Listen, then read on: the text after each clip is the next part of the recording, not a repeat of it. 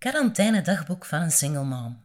Deel 2. Een wereld in afzondering in de beleving van een psychisch kwetsbare mens. De grote corona-lockdown is voorbij. Regels worden stelselmatig versoepeld om zo het normale leven terug op gang te krijgen. Is dat hoe we het leven voor corona beschouwen? Als normaal? Ik hoop stellig en van harte dat normaal een nieuwe invulling krijgt. Het gedrag van nogal wat mensen tijdens de lockdown valt, wat mij betreft, niet echt onder de noemer van wat ik als normaal beschouw. Egocentrisme woedt, zelfs als de wereld bloedt. Gelukkig was er ook sprake van heel wat solidariteit als tegengewicht. Balans opmaken. Het zijn sowieso bizarre tijden, voor iedereen. En voor de psychisch kwetsbaren onder ons blijkt het alweer een extra uitdaging. Als erelid van dit clubje was dit voor mij niet anders. Ik kan niet zeggen dat ik, sinds corona besloot ons landje te doorklieven, op mijn best was. Integendeel. Sinds donderdag heb ik voor het eerst het gevoel dat er beterschap op komst is.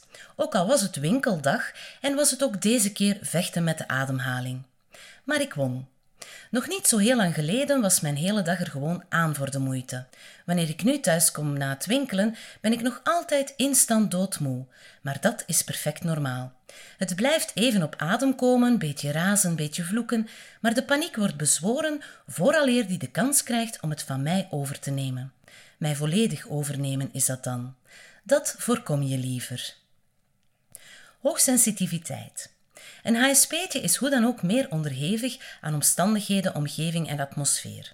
Op dat gebied hebben zich heel wat veranderingen voltrokken. Er vallen weinig positieve prikkels op te pikken deze dagen wanneer je jezelf tussen menselijke wezens begeeft, zeker in de supermarkt. Ik doe slechts één keer per week boodschappen. Daar doe ik gemiddeld anderhalf uur over, maar ik ben al meermaals tot vervelens toe getuige geweest van individuen die hun frustraties al roepend en tierend projecteren op anderen. Daarnaast is er nog het aanhoudende gezeik onderling. Vreselijk vind ik dat. Prikkelbaar. In het prille begin van de lockdown deed zich een nooit eerder geziene of beter gehoorde stilte voor. Het had eerst wel iets engs, die verlaten straten, maar wat later dacht ik: als dit mijn natte droom niet is, zo rustig, zo stil. Naarmate de weken verstreken, besefte ik dat die stilte toch niet het vooropgestelde effect had.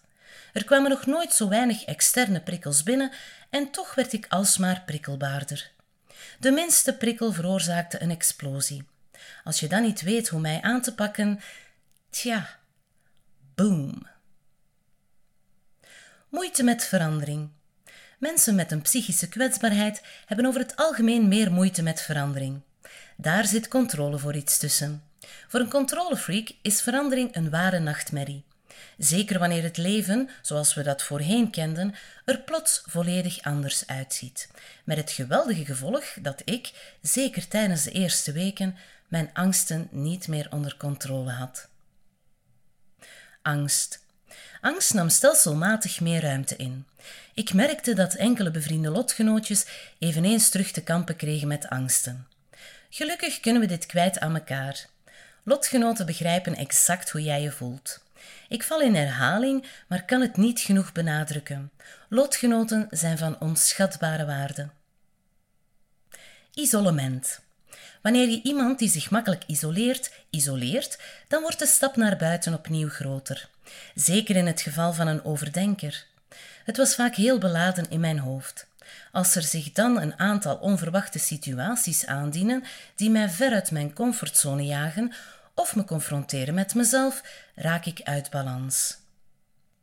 In het begin dacht ik dat er voor mij niet zo heel erg veel zou veranderen. Ben sowieso nogal een huismus. Heb dat gewoon ook nodig. Het duurde niet lang voor ik besefte dat ik de voorbije jaren toch een uitgebreid sociaal netwerk heb opgebouwd. Ook het lesgeven aan de Herstelacademie viel weg en daar haalde ik best wat voldoening en energie uit. Tijdens mijn opname stond sociale isolatie nog te blinken op de derde plaats in mijn lijst van allergrootste valkuilen. Vandaag is de hunker om de draad van mijn sociale leven hier buiten op te pikken nog nooit zo immens geweest. Sinds 1 maart ben ik op medisch pensioen. Dit betekent echter niet dat ik de rest van mijn dagen in mijn zeteltje wil doorbrengen. Op de reguliere arbeidsmarkt kan ik misschien niet meer meedraaien, maar afgeschreven ben ik zeker niet. Ik kan me, ondanks mijn problematiek, best nog nuttig inzetten. Schrijven blijft sowieso mijn belangrijkste therapeutische, tussen haakjes onbezoldigde, bezigheid. Maar naast het lesgeven ging ik stilaan opstarten als ervaringsdeskundige coach. Ik wil lotgenoten graag bijstaan in hun herstelproces. Mijn zelfstandig bijberoep bracht ik maanden geleden al in orde. Verder wilde ik graag in avondschool de cursus copywriting gaan volgen, maar de opleiding zou aanvang nemen ergens in maart, dus die werd afgelast. Ben ondertussen wel begonnen met de thuiscursus. Die eerste maart moest de start van mijn nieuw leven betekenen, met een lade boorden vol plannen.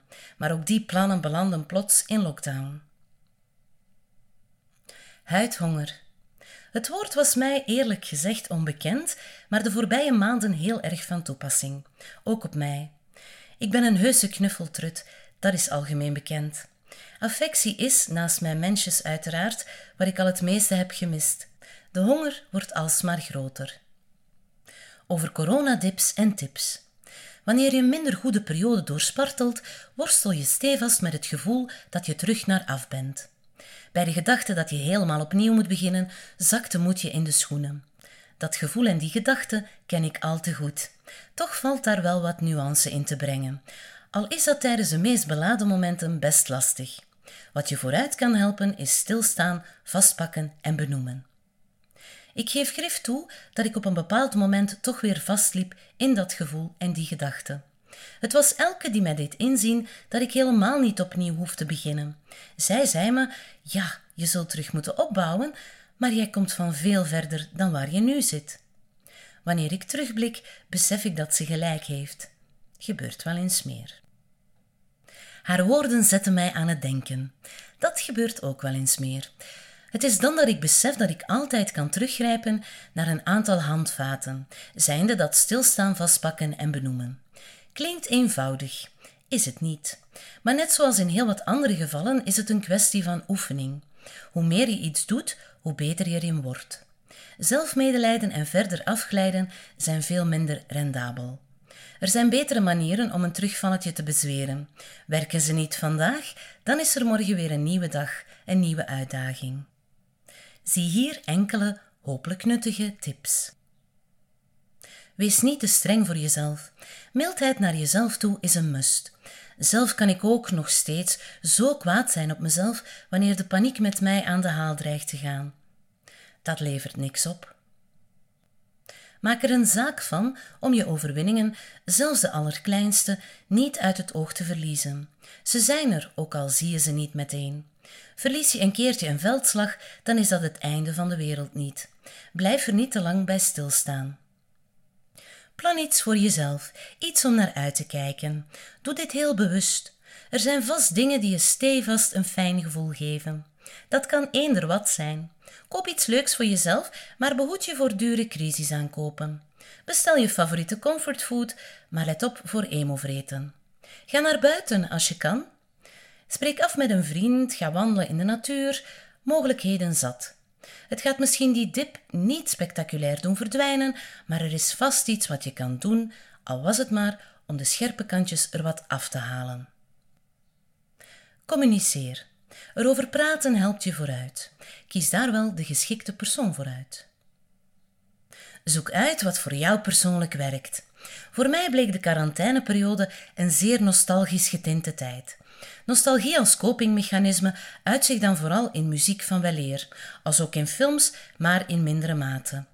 Daarnaast snuisterde ik wat in oude schrijfsels, fotoboeken en dozen werden bovengehaald. Maar het begint altijd met een hunker naar nostalgische liedjes. Wat velen als compleet fout beschouwen, zijn dan net mijn favoriete metgezellen om bij weg te dromen. Ook dansen en zingen in mijn kot gebeurde regelmatig. Luid meezingen is trouwens een zeer efficiënte manier om je ademhaling terug op het juiste spoor te krijgen. Of je buren daar altijd even blij mee zijn, dat laat ik in het midden. Denk eens omgekeerd. Tijdens periodes dat je goed in je vel zit, blijft er een stemmetje in je achterhoofd zich afvragen hoe lang de pret zal duren. Je zet je automatisch een beetje schrap, mocht er zich binnenkort een kentering voordoen. Je kan diezelfde gedachte in beide richtingen toepassen. Ik hou tijdens de mindere momenten altijd voor ogen dat deze weer voorbij gaan, maar je moet er eerst los door. Laat goede periodes niet overschaduwen door de gedachte aan de minder goede, maar fleur de minder goede periodes wat op met de gedachte aan de goede. De juiste vorm van afleiding is het beste medicijn om een terugval meer draagbaar te maken. Om dit quarantainedagboek in schoonheid af te sluiten, nog enkele laatste updates. Het was een vaste waarde geworden waar ik best naar uitkeek. Nu de horeca terug groen licht krijgt, zal dit weldra een fijne herinnering zijn aan een minder fijne tijd. Nooit gedacht dat ik me ooit zou wagen aan videochatten. Nooit gedacht dat ik er nog van zou genieten ook. Om nog even terug te komen op die huidhonger, ik heb de homies al gewaarschuwd dat, van zodra we elkaar terugzien en er terug volop geknuffeld mag worden, ze zich best maar als schrap zetten. De laatste balans van Operation Fade to Grey werd opgemaakt met de vraag: waar heb je die mooie witte haarband gekocht? Geestig. Ik was benieuwd hoe lang ik het zou volhouden voor ik in de weer zou gaan met haarverf. Het heeft toch de volle 4 centimeter geduurd. Back to black is. Ik heb ondertussen een afspraak bij de kapper versierd. Op 24 juni. De dagdagelijkse conflicten met mijn weelderige haardos zijn dus nog niet ten einde. Dating overload. De oneerbare voorstellen zijn ondertussen geluwd, maar wat word ik meer dan ooit overspoeld door reclame voor datingsites. Zij zijn duidelijk niet op de hoogte van mijn tijdelijk ingelaste datingpauze. Van academische singles tot spirituele, van online speeddaten tot een Amerikaanse datingcoach die op zoek is naar ambitieuze vrouwen die kwaliteitsvolle mannen willen vinden zonder hun uiterlijk te veranderen of manipulatieve tactieken toe te passen. Wanneer ik zou opteren voor de liefde van vrouw tot vrouw, weet ik intussen ook perfect waar ik terecht kan. Die checken blijkbaar af en toe of ik niet van kant wil wisselen. Dat zit er niet in. Ook hetero zijn is geen keuze. Tussen de diversiteit aan datingsites zit er eentje tussen die mijn nieuwsgierigheid toch prikkelt. Ze willen weten of ik een hippie single ben. Geen idee. Ben ik dat? Ik vraag me af wat ik me daarbij moet voorstellen. Wanneer ik ga snuisteren om wat meer uitleg te vergaren, word ik gevraagd, tussen haakjes verplicht eigenlijk, om mij te registreren en dat ben ik nu net niet van plan. Zo nieuwsgierig ben ik nu ook weer niet. Met als gevolg krijg nu dagelijks, meermaaldaags, de vraag of ik een hippie single ben. Dat weet ik dus nog altijd niet, hè? Sinds enkele weken word ik zelfs via de website van Eindelijk Jezelf zijn dan nog gestalkt met mails waarin men mij links stuurt naar twee bepaalde datingsites. Het betreft links aangaande adult dating in Canada of East London. Niet echt haalbaar lijkt me, maar wel heel veilig qua social distancing. Tot slot muzikale extraatjes. Het is maar een klein greepje uit het assortiment, maar graag deel ik nog enkele nostalgische liedjes die mij door mijn quarantaineperiode loodsten.